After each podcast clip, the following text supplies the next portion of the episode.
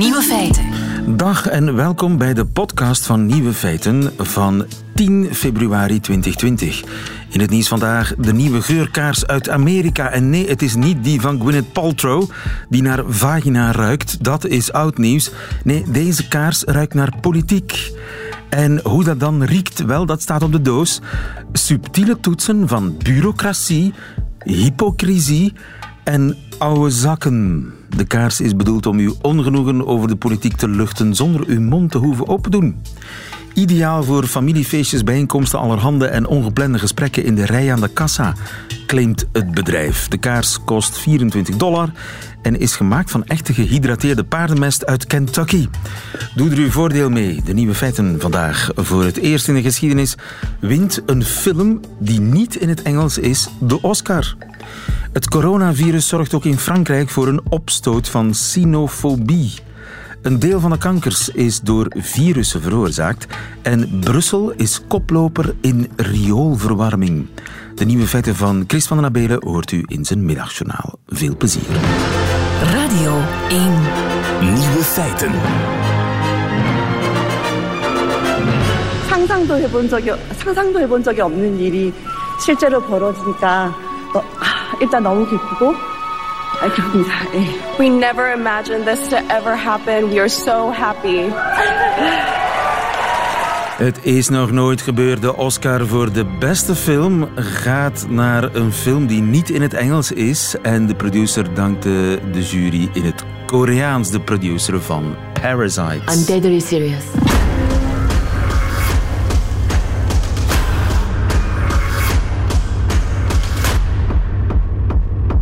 지금 진짜로 이상한 게 뭔 것 같아. Parasite. Afgelopen nacht ging de film, de Koreaanse film, met vier Oscars naar huis. Beste buitenlandse film, beste regie, beste scenario en dus ook gewoon beste film. Jan Vrijen, goedemiddag. Zeer goedemiddag. Jan, eh, jij hebt de Oscar-uitreiking de hele nacht gevolgd. Jij zat met kloppend hart voor de kleurentelevisie. Eh, we hadden een studioprogramma hè, voor eh, zes en, eh, en Play More. Dus we zaten met een aantal mensen te volgen en, en tussendoor dan tijdens de commercial breaks commentaar te geven. En we waren zo'n beetje aan het zeuren naar het einde toe dat het allemaal toch heel voorspelbaar was. Hè. Dus Brad Pitt en, en ehm, Joaquin Phoenix en Laura Dern, alle mensen die al hadden gewonnen in die categorieën bij de voorgaande eh, awardshows, de Golden Globes, de BAFTA's enzovoort, die kwamen allemaal keurig aan bod. Ja. En het venijnlieven zat hem in de staart, want toen kwam bij eh, regie plotseling eh, onze vriend eh, Bong Joon-hee uit de enveloppe. En dan werd het plots heel erg spannend voor de, de hoofdcategorie feature film. En daar kwam dus ook die Parasite uit de envelop. Ja. En dat maakt het inderdaad een relatief historische avond. In de eerste plaats voor onze goede vriend Bong Joon-hee zelf. Want dat gebeurt ook zeer zelden dat één iemand dezelfde avond met vier Oscars Ja. naar huis gaat. Maar voor het eerst in 92 jaar is er een niet-Engelstalige film de allerbeste. Eh, Hoe, wat is er gebeurd? Ja, dat is, dat is waar, maar ik wil dat toch even nuanceren. Want nu lijkt het alsof die Amerikanen pas in 2020 de, de, de internationale cinema hebben ontdekt. Dat is natuurlijk ook niet helemaal waar. Er zijn in eh, de loop van eh, de geschiedenis van de Oscars al heel veel films genomineerd, niet-Engelstalige films, in die categorie feature film. Dat begon al in, in 1938, zelfs met La Grande Illusion van Jean Renoir. Ehm, het is natuurlijk zo dat je niet, dat niet alle films in aanmerking komen om voor de algemene Oscars mee te strijden. Ik verklaar mij nader. Je hebt die categorie, vroeger was dat eh, eh, de eh, foreign film, foreign language film, nu is dat de, de international feature. Die films worden genomineerd door het land zelf. Dus elk land kan een film insturen. Dat is een comité dat daarover beslist. Meestal doffe ellende natuurlijk, als Comité's. comité's aan te pas komen. Absoluut. Ehm, en dus dan wordt er zo'n film afgevaardigd. Dat betekent dat zowel Guatemala als Frankrijk één film mogen insturen. Dat kan je je voorstellen, voor Frankrijk is dat knap lastig. Ook zelfs in ons kleine België ja, is dat soms moeilijk, omdat er per jaar wel een aantal films zijn die ja, kans maken zeg maar, in die categorie. Dus, maar dan zit je ook alleen in die categorie. Wanneer kom je in aanmerking voor andere Oscars dan die foreign language film? Als je film in Amerika in de bioscoop is uitgebracht. Het is heel simpel. Als je voor 31 december van, in dit geval 2019, met je film in de bioscoop liep, dan kwam je in aanmerking voor alle Oscars. Dus in die zin is het wel zo dat die Amerikanen altijd um, in naar het buitenland hebben gekeken. Maar ze zijn altijd in het voordeel, want een heleboel films vallen af, namelijk de films die niet in Amerika worden verdeeld. Toch? Dat klopt, maar in de loop der, der, jaren zijn er toch best wel... Ja, kijk bijvoorbeeld Das Boot. Herinner je Das Boot van Wolfgang Petersen, die geweldige duikbootfilm? Heeft ook zes nominaties behaald toen. Evenveel als uh, nu onze... Maar nooit de hoofdvogel. La Vita e Bella. Weet je nog? Roberto Benigni. Roberto, Roberto! Oh. Stond Sofia Loren toen vooraan te roepen. Roberto! En dan kroop je overal die stoelen. Zeven nominaties, drie Oscars verzilverd, maar niet de hoofdvogel. Amélie Poulain, vijf nominaties, ook geen Oscar. En als ik dan echt heel gemeen wil doen, is er zelfs wel een precedent. Namelijk, in 2012 was er die film The Artist. Engelstalige titel, maar een volledig Franse film. Wel zonder dialogen. Dus je kon niet zeggen dat het in een andere taal dan het Engels was, want het was een stomme film. Het was een hommage aan de stomme film, maar wel tien nominaties, vijf Oscars gewonnen, waaronder ook beste film. En in de loop van de jaren zijn er ook heel veel... Jean Renoir is genomineerd geweest, uh, Kurosawa, Bergman, Truffaut, Fellini, vier keer. Ik wil maar zeggen... Zo erg was die Academy ook weer niet. Zo erg was dat nou ook weer niet. En waarom? Want dat hoor ik je al vragen. Waarom is het nu met Parasite dan wel gelukt? Nou, dat is op zich een moeilijke vraag, omdat het was sowieso een ontzettend sterk deelnemersveld. Het was echt een heel goed jaar. Uh, als je kijkt naar, naar de films die genomineerd waren. Je had Tarantino met Once Upon a Time in Hollywood. Je had de grote Martin Scorsese. Je had ook 1917, wat toch een beetje de favoriet was. Dus begin er maar aan. Ik denk dat het te maken heeft dat die Academy het een beetje beu was. Uh, dat is een, een, een aantal jaren geleden. Kregen zij zeer veel kritiek. Niet zozeer omwille van het ontbreken van niet-Engelstalige films, maar vooral, het, was een, het was een club van oude blanke mannen, weet je nog? En er waren te weinig vrouwen en er waren te weinig mensen van kleur. Eh, is dat en de veranderd? Heeft toen, dat is veranderd. Ze hebben eigenlijk bijna letterlijk hun deuren opengegooid. Om je een idee te geven, op drie jaar tijd hebben zij hun ledenaantal van 5000 naar 8500 opgetrokken. Dat is 35 procent. En van die nieuwe leden zijn 50 procent, de helft, ongeveer de helft, vrouwen. En zijn 29 procent uh, niet-blanken. Dus de deuren zijn opengegooid. Er is een verjonging doorgevoerd.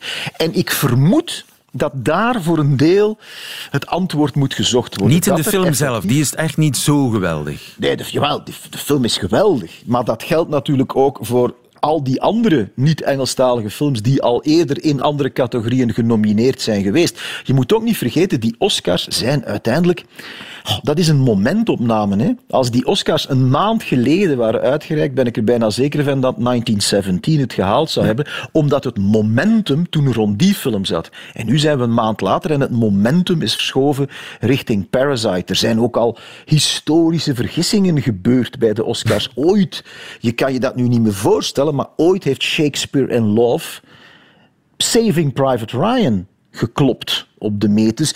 Het zijn momentopnames. Het is uiteindelijk, het is en blijft een subjectieve appreciatie, weliswaar van 8500 mensen. Je hebt dus wel absoluut een kritische massa. En die mensen hebben in eer en geweten geoordeeld dat dit jaar voor hen Parasite dan toch erbovenuit stak. Maar dat was eigenlijk voor jou niet het geval. Ja, maar nee, ik, ik, ik, ik, heb een fijne nacht gehad, omdat ik had kunnen leven met elk van de negen films die genomineerd waren. Ik vond dat stuk voor stuk films die terecht in die lijst stonden, die mij allemaal twee uur um, groot genoegen hebben uh, verschaft, die mij een inkijk hebben gegeven in andere werelden, die mij meegenomen hebben op hun reis. Dus daar kon ik mij geweldig in vinden. Je zou kunnen zeggen dat oh, misschien zijn en beste film en regisseur en scenario een beetje overdreven als je terzelfde tijd Martin Scorsese, de grote Martin Scorsese, met lege handen naar huis stuurt. Maar goed, je hebt winnaars en je hebt verliezers. Dat is onvermijdelijk op dat soort avonden. En ik ga kijken naar die ja, hedendaagse Koreaanse versie van Downton Abbey, die uh, Parasite uh, toch is. Dankjewel, Jan Verheijen. En doe een dutje. Je hebt het verdiend. Ja, dankjewel. Dag Jan. Dag. Nieuwe feiten.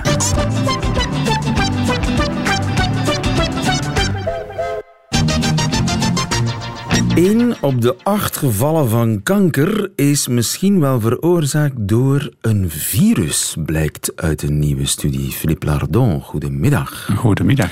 U bent uh, oncoloog aan de Universiteit van Antwerpen.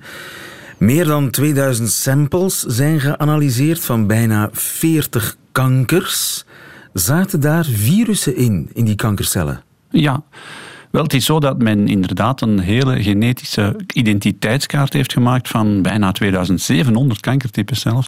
En daar waren een aantal opmerkelijke zaken. Zo heeft men onder andere wat we noemen virale sequenties gevonden in het erfelijk materiaal van die tumoren. Ja. En wil dan eh, zeggen dat bepaalde kankers meer dan andere? Ja, zeker wel. Uh, men, we wisten ook al dat bepaalde kankers door uh, virussen kunnen worden veroorzaakt. Let op, dit blijft een minderheid. Minder dan 10% van de kankers worden veroorzaakt door virussen.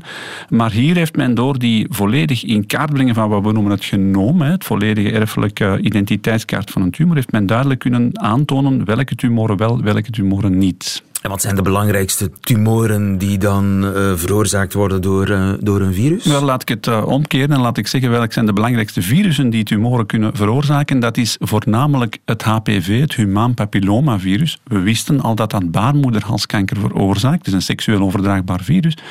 Maar vandaag hebben we dankzij deze studie ook kunnen zien dat het bijvoorbeeld hoofd-halstumoren, huidtumoren, dikke darmtumoren kan veroorzaken, omdat het virale DNA ook in dit tumortype uh, terecht is gekomen. En is het zo dat die viruskanker een handje helpt? Ja, het is eigenlijk het, het, het, werkingsmechanisme van bepaalde virussen. Zeker gelukkig niet allemaal. Maar het is zo, een virus is eigenlijk niks. Hè. Dat is een stukje erfelijk materiaal ingepakt in een enveloppe, kan zichzelf niet vermenigvuldigen. Dus heeft altijd een gastheercel nodig om haar eigen erfelijk materiaal te vermenigvuldigen. Dus wat doen bepaalde virussen? Die spuiten zichzelf in in een gastheercel eender welke menselijke cel bijvoorbeeld. En die hopen dan, wanneer zij hun erfelijk materiaal inbouwen in het erfelijk materiaal van die gastheercel, dan hopen die natuurlijk dat die gastheercel zich heel veel gaat vermenigvuldigen, want dan wordt ook haar eigen DNA vermenigvuldigd. En zo gaan bepaalde virussen bepaalde targets zoeken in die cel en bepaalde wat we noemen rode lichten uitschakelen of groene lichten heel sterk doen branden, waardoor die cel heel snel gaat delen. Dat is niet erg, want dan is het voor het virus zelfs heel goed dat het erfelijk materiaal wordt vermeerderd. Maar dus dat geeft ook kanker. Zo'n virus gaat echt op zoek naar potentiële kankercellen? Ja, dat, eh, op zoek naar een potentiële gastheercel die het dan eigenlijk gaat omvormen naar een kankercel eigenlijk, ja. Ja, dus zonder dat virus was die kanker misschien potentieel aanwezig, maar niet ontwikkeld. Is dat de situatie? Dat is eigenlijk de situatie. Het is door het virus, louter en alleen door wat het virus doet in het erfelijk materiaal en in het hele genoom van die gastheercel, dat het die gastheercel doet ontsporen. En ja, op zich is het bijna niet de bedoeling van, die, van dat virus om er een kankercel van te maken. Het is de enige bedoeling van een virus om dat gastheer heel snel te laten delen, want dan wordt het zelf vermenigvuldigd. Maar als bijwerking is het eigenlijk dat het dan een, een kankercel wordt. Ja, maar niet alle HPV-virussen veroorzaken kanker. Dus er moet al iets anders aanwezig zijn in de gastheer die die kanker in zich draagt? Ja, dat, daarom niet. Het, sommige virussen gaan echt louter en alleen verantwoordelijk zijn voor die ontwikkeling. Andere virussen niet. Uh, want men heeft uit die studie ook kunnen uithalen dat men iets meer dan verwacht virale sequenties heeft gevonden in het, in het DNA. Dus er zullen ook wel virussen zijn die niet zomaar een, een tumorcel doen ontstaan, maar toch wel een bepaalde rol daarin spelen. Dus je kunt echt zeggen dat, dat uh, virussen ook verantwoordelijk zijn voor kanker? Voor een 10% van de kankers, ja. Dus blijft van de wel een minderheid. Ja. Dat heeft trouwens als voordeel dat we, als wanneer we dit weten, kunnen we er ook op ingrijpen en medisch op ingrijpen. U kent allemaal het, het eh, vaccin tegen het humaan papillomavirus. We noemen het soms wel eens verkeerdelijk het baarmoederhalskankervaccin. Het is geen vaccin tegen kanker, maar het is een vaccin tegen het virus. Maar wij kunnen dus virussen gaan targeten met vaccins. En als we natuurlijk een vaccin ontwikkelen tegen een bepaald virus dat kanker veroorzaakt, kunnen we zo ook kanker vermijden. Ja, en zo zit er nog marge op, op de kankerbescherming. Dat kan nog verbeterd worden. Ja, dankzij een project zoals dit. Hè, wat, wat, wat, en dat moeten we verder doen. Hè. We, moeten, we moeten nog verder werken. We moeten nog veel meer DNA in kaart brengen. En dat zou ons inderdaad kunnen leiden tot nieuwe therapeutica. Aha, en zou het ook kunnen leiden tot nieuwe ja, virale kankers, zeg maar? Dat we dingen nog ontdekken over bepaalde kankers, dat die ook door virussen zijn veroorzaakt? Ja, dat kan zeker. Uh, want tot nu toe houden wij die 9,9 procent. Uh, maar we zien bijvoorbeeld in deze studie dat eigenlijk 16 procent van die tumoren, dat daar al ergens viraal DNA in zit. Soms heeft dat niet veel te betekenen, maar het wil wel zeggen dat virussen misschien een iets grotere rol spelen dat, dan dat we tot Ja. nu toe dachten. En zou dat ook de therapieën kunnen verbeteren als je dan al kanker ontwikkeld hebt, als het te laat is voor een vaccin? Ja, dan kunnen we gaan denken aan gentherapie. Dan kunnen we gaan proberen te, het, het, het genetisch defect dat veroorzaakt werd door het virus te gaan corrigeren. Dat is natuurlijk nog enkele jaren verder. Daar moeten we nog heel wat verder aan, aan, aan gaan werken. Uh, hier is het vooral belangrijk voor uh, preventie in die zin dat je een vaccin tegen bepaalde tumorale virussen kan ontwikkelen. Ja, en zou iedereen dat dat vaccin dan moeten hebben? Voor bepaalde virussen wel, denk ik. Hè. Neem maar het humaan papillomavirus. Tot nu toe vaccineerden we in België enkele jonge meisjes, maar we gaan stilaan ook naar de situatie dat we jongens gaan vaccineren.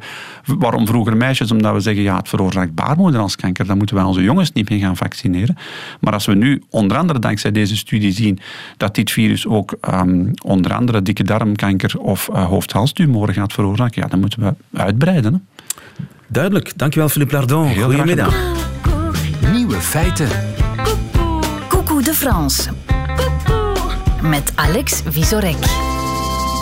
Hij heeft zich vastgeklampt aan de Eiffeltoren. Alex Visorek, onze landgenoot en mijn collega bij France Inter in Parijs, die ons elke week op de hoogte komt houden van waarover gepraat wordt in Parijs. Een goede middag, Alex. Een goedemiddag, lieven in België. Net zoals in de rest van de wereld was het meest besproken onderwerp in Frankrijk deze week het coronavirus.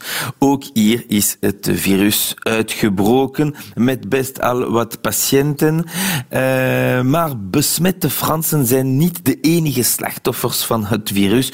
Ook de Aziatische gemeenschap in Frankrijk leidt eronder. La communauté asiatique en a assez et dénonce le racisme dont elle est victime depuis le début de l'épidémie du coronavirus. Avec un hashtag très clair, je ne suis pas un virus. Je ne suis pas un virus, ik ben geen virus. Een nieuwe hashtag om, het, ja, om de sinofobie in Frankrijk te bestrijden. Ja, dat is de woord. Uh, de Aziatische gemeenschap protesteert tegen de onredelijke reacties van heel wat Fransen. Mensen die weigeren in de metro te stappen, die met de uh, vinger wijzen of die uh, Kantonese reis boycotten om risico's te vermijden. En als je als Aziat jouw hoofd wil leegmaken en een beetje gaan lachen in een comedyclub in Parijs bijvoorbeeld, dan hoor je dit. Bonsoir. J'espère qu'il n'y a pas de Chinois dans la salle. Ik hoop dat er is... geen Chinezen in de zaal zitten. Ja, Leuk. Goede vertaling, maar het was hier een grap. Uh, het is uh, niet enkel de mensen in de straat, ook in de kranten. La une du courrier Picard du 26 janvier a suscité l'ire des personnes d'origine asiatique en France. On y voit une femme portant un masque en Chine. Le journal se demande si le coronavirus représente un nouveau péril jaune. Een nouveau péril jaune, een nieuw geel gevaar zou het coronavirus dat zijn, dat vraagt een krant Le Courrier Picard in dit geval zich af. Ja, dat is het. In de krantenkop stond er zelfs alerte jaune geschreven. En daarvoor heeft de krant zich geëxcuseerd. Maar het toont wel hoe ver het gaat. Zo ver dat Aziaten de steun hebben gekregen van Marine Le Pen. Marine Le Pen? Ja. Rien ne justifie que nos compatriotes d'origine chinoise soient victimes de défiance en raison du coronavirus, schreef ze op Twitter. Ils n'y sont pour rien. Enfin, restons intelligents et fraternels. Blijven broederlijk en slim. Geen discriminatie dus, zegt Marine Le Pen. Arme Aziaten die niet alleen maar gediscrimineerd worden, maar ook de steun van Le Pen krijgen. Maar eerlijk gezegd, en spijtig genoeg, is anti-Chinees racisme niks nieuws. Mijn collega van France Inter, Guillaume Meurice, had het er drie jaar geleden al over. Toen Marine Le Pen de tweede ronde van de presidentiële haalde. Hij had iemand geïnterviewd van Tunesische oorsprong, maar die toch anti-migratie was. Mais il y a encore mieux, il y a le français d'origine tunisienne qui pense que la solution c'est... Faut faire virer les Asiatiques. C'est les Asiatiques qui ont foutu la merde. Moi, est-ce que c'est pas du racisme anti-asiatique Non, c'est pas du racisme. C'est pas du racisme, dat is geen racisme. C'est pas du racisme. Het gaat over Chinezen. Maar toch, ja, toch wel. En het probleem is dat anti-Chinees racisme ook in de media blijft verschijnen. Vorige week nog heeft imitator Nicolas Canteloup veel ophef veroorzaakt met een sketch in het ochtendprogramma van een andere radio, Europe 1. faut attraper cette chinoise impérativement. Oui, ben écoutez, vous faites ce que vous pouvez, vous la tirez comme vous voulez, vous mettez, je ne sais pas, moi, des nems en ligne sur le trottoir, Oh là là. et au bout une grande tapette à chinois, et puis... Oei, oei, oei, oei, oei. Je moet, eh, wat was het, lumpiaatjes op een rij leggen op het trottoir en dan op het einde een, een, een, een, een, een tapet à chinois. Chinese mepper. Wat zou men kunnen zeggen? Niet lachen, niet lachen, Eh, niet eh, lachen, eh, niet lachen. Nee, niet lachen. Niet lachen. Hij imiteerde eh, le maire de Lyon. Eh, dus de burgemeester van Lyon. En als kers op de taart, deze week zijn er ook nog interessante beelden opgedoken. Deze keer gaat het om politiek. Weet je nog, Isabelle Balkany, de burgemeester van Levallois. Haar man Patrick zit sinds kort in de gevangenis wegens fraude. In 2002 was ze in het stadhuis geïnterviewd. En als de camera draaide, belde er iemand voor haar man. Ze vroeg dan aan een assistent om de telefoon naar hem te brengen. Grindry, va donner mon, mon téléphone à Patrick et puis tu me le ramèneras. Hein. On va vous emmener le téléphone. Hein. Tiens, tiens, Grindry, amène-lui ça, Patrick. en même temps. Oui, Grindry, amène-lui ça en même temps, dépêche-toi.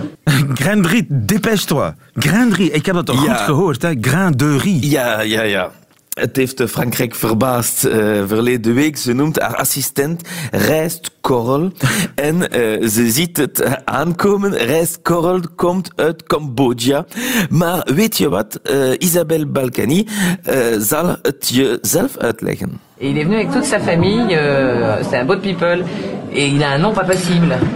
Il s'appelle, euh, alors d'abord on l'a baptisé Maurice, et puis on trouvait pas ça drôle, et un jour je l'ai baptisé Grindry, et toute la mairie, il est au courrier à la mairie, toute la mairie l'appelle Grindry.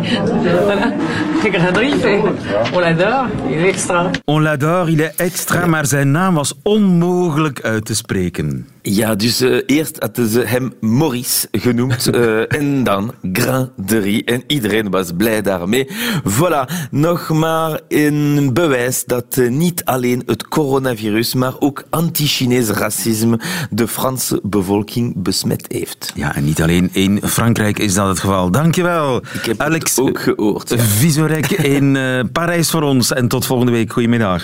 Tot volgende week. Radio 1. Nieuwe feiten. Je huis verwarmen met de drollen van de buren. Sorry dat ik het zo plastisch en onsmakelijk zeg, maar daar komt het wel ongeveer op neer. En het kan. Sterker nog, het gebeurt in Brussel. Dag Olivier Broers, goedemiddag. Goeiedag. Van de Brusselse watermaatschappij Vivaqua. Ja, Jij becijfert dat een groot deel van de huizen in Brussel verwarmd zouden kunnen worden met rioolwater. Inderdaad, in de toekomst. Maar we zijn nu eerst bezig met een, een real case eh, test. En eh, op basis van de resultaten daarvan hopen wij dat binnen enkele jaren ongeveer een twintigtal kilometer uh, warmtewisselaar zouden kunnen geplaatst worden hier in Brussel om uh, huizen of gebouwen te kunnen ofwel verwarmen, ofwel ook koelen.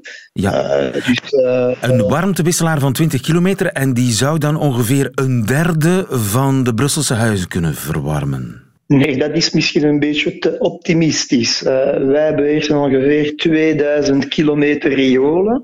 En wij denken dat een twintigtal kilometer, dus een groot percentage daarvan, 1%, zou kunnen gebruikt worden om, om uh, energie te kunnen geven aan gebouwen. Aan gebouwen. En er loopt op dit moment een uh, real case study, een proefproject. Hoe kwam je op dat idee? Het is nu al een twintigtal jaren dat ik bezig met rioolrenovatie. En uh, de indruk is, wanneer het warm buiten is in de zomer, is het zeer koel daaronder. En wanneer het zeer koud is in de winter, heb ik altijd ja, uh, genoeg warmte daar in die riolen. Dus dat was uh, de basisidee waarom die, die energie niet te kunnen gebruiken om, om huizen te kunnen verwarmen of, of koelen. En hoe vang je die warmte? In feite, wij proberen er uh, warmtewisselaars te plaatsen wanneer we een rioolrenovatie uh, hier in Brussel doen. Dus wij hebben ongeveer per jaar 20 à 25 kilometer rioolrenovatie. En dus het idee was, maar waarom niet tijdens die rioolrenovatie die warmtewisselaars gaan plaatsen? Uh, dat vermijdt extra kosten als je alleen maar een weg moet openmaken om een warmtewisselaar gaan plaatsen. Je moet proberen die warmtewisselaar sowieso gaan plaatsen tijdens de rioolrenovatie. Ja, de, de straat moet toch open, dus dan kunnen we net zo goed die warmtewisselaar maken. En zo'n warmtewisselaar, ja, dat, dat, uh, je verwarmt water met rioolwater. Daar komt het eigenlijk op neer. Inderdaad, inderdaad. Dus rioolwater schommelt tussen 8 graden als het zeer koud buiten is, uh, tot 18, 19 graden wanneer het zeer warm buiten is. Dus die range van temperaturen is perfect geschikt om uh, met die warmtewisselaar warmtepompen te gebruiken om de gebouwen te uh, koelen of uh, te verwarmen. Ja, en er lopen op dit moment proefprojecten, dus er zijn op dit moment huizen die daarmee verwarmd worden. Tot nu toe hebben wij een prototype in Molenbeek. Die, die prototype werkt sinds 2014. Dus met dit prototype hebben wij samen met uh, ULB, VUB allerlei testen gemaakt. Uh, modellen, uh, berekeningsmodellen uh, op punt gesteld om te weten in functie van de debieten van het water hoeveel kilowatt wij eruit kunnen nemen. En nu hebben wij een real case test van een gebouw van 15.000 vierkante meter. Dus het is wel een, een groot gebouw, een gemeentelijke gebouw in Ukkel, die nu uitgerust zal zijn voor het eind van dit jaar. Dus wij zijn afhankelijk van de uh, tempo van de renovatie van het gebouw. Maar wij zullen onze uh, warmtewisselaar in september gaan plaatsen. Wij gebruiken daar 100 meter warmtewisselaar voor het gebouw. Ja. Uh, dat is echt vlak voor het, de, de riool die vlak voor het gebouw loopt, daar wordt eigenlijk ja. de warmte gecapteerd en rechtstreeks ja. het gebouw ingepompt. Voilà, dat is inderdaad... Dat is, en dat is een systeem dat, dat Brussel zelf heeft ontwikkeld. Um, wij hebben dit systeem ontwikkeld in de zin dat wij moesten warmtewisselaars vinden die niet uh, te kostelijk waren. Dus systemen waar men een gewone warmtewisselaar in inox of uh, in aluminium gebruiken, dat bestaat al. Maar we kunnen niet sowieso zeggen, voilà, wij installeren een warmtewisselaar en we zullen wel zien achteraf of er een klant komt of niet. Dus de, de, de groot idee was warmtewisselaar uh, gaan designen, maar met een zeer uh, kleine kost. Dat ja. is het concept die een beetje nieuw is. Ja, en jullie hebben daarvoor samengewerkt met de, de universiteit, met de ULB? Ja, ja en ah, we hebben een patent daarvoor. En, een patent zelfs? voilà. Ja, dus het zou kunnen dat, dat het, de Brusselse oplossing dat die geëxporteerd wordt naar het buitenland. Is er al veel interesse? Wij hopen dat. Uh, wij hebben inderdaad al contacten gehad met andere uh, landen om uh, subsidies proberen te halen op Europees niveau. Dus wij hebben al contact gehad met eh, Rotterdam, wij hebben al contact gehad met andere, andere landen. En inderdaad, als het lukt, met die railcase-studie, als het lukt en dat de cijfers wel de theorie uh, bevestigen. bevestigen, dat zal zeker en vast in de toekomst in andere steden ook gebruikt worden. Kijk eens aan, dat wij niet alleen mannekepis exporteren, maar ook verwarmen met rioolwater. Dankjewel en gefeliciteerd Olivier Broers van Vivaqua. Goedemiddag. Ja, goedemiddag. Nieuwe feiten. Dat waren ze, de nieuwe feiten van 10 februari 2020. U krijgt nog die van Chris van den Abelen in zijn middagjournaal. Nieuwe feiten. Middagjournaal. Beste luisteraar, ik ging naar mijn slaapkamer. Even later stond ik naast mijn bed naar wat planken te staren en wist ik niet meer waarom ik daar stond. Iets, een idee, een plan had me nogthans naar mijn slaapkamer gedreven. Even concentreren, het komt wel terug waarom ik hier sta. Maar het kwam niet terug. Na een halve minuut of wat gaf ik het dan maar op en ging op bed zitten. Ik ben daar een ietsje pietje ongerust over. De laatste tijd heb ik dat precies meer dat ik het kwijt ben. Met forse tred ga ik naar een ruimte in huis en even later sta ik daar te staan. Stel me gerust en zeg dat u daar ook last van hebt en nog liefst dat u daar steeds meer last van hebt. Een van mijn vrienden lijdt aan jong dementie. Vreselijk. Al helpt humor altijd. Ik heb maar één strip nodig, zegt hij. Als ik aan het einde ben, kan ik zo van voren af aan opnieuw beginnen. Nou, ik zat op bed en dacht, het zal toch niet waar zijn, hè, Van den Abelen? Waarom ben je naar je slaapkamer gegaan? Pas op, hè, want het lijkt op een epidemie, die verspreiding van jong dementie. Ik bedacht dat jong dementie vroeger in de jaren tachtig, schat ik, preseniele dementie heette. Je had seniele dementie voor de oude vandaag en preseniele dementie om de jongere patiënten aan te duiden. Wij hadden een, een grondwetspecialist aan de Unie, een oudere man, die heette professor Senel. Hij was bijzonder pinter, maar toch vonden wij het fijn hem professor Seniel te noemen. Haha, humor. Het woord seniel is aan het wegdrijven, aan het vermisten, zoals de ziekte met haar slachtoffers doet. En ik bedacht dat mijn ouders, vooraleer wij in de jaren tachtig van de vorige eeuw seniel zegden, nog een ander woord gebruikten: kind. Dat ging dan meestal over een van hun tantes of nonkels. Ze is kind geworden. Mijn meter, die is niet alleen superlief, maar ook pokken dement. Maar toch kunnen we ons best nog goed amuseren samen. Als ik er naartoe ga. Ik weet het veel te weinig en ik weet dat ik daar spijt van ga krijgen. Misschien is het toch niet zo erg om te dementeren seniel of kind te worden. Maar ik ben er toch bang voor. Overigens weet ik nog altijd niet waarom ik daar per se naartoe wou, naar die slaapkamer van mij.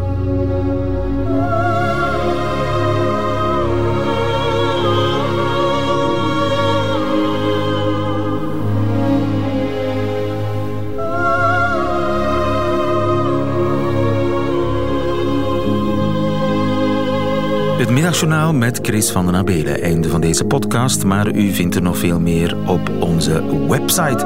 En hoort u liever de volledige uitzending van Nieuwe Feiten met de muziek erbij, dan kunt u natuurlijk altijd herbeluisteren via onze app. Tot een volgende keer.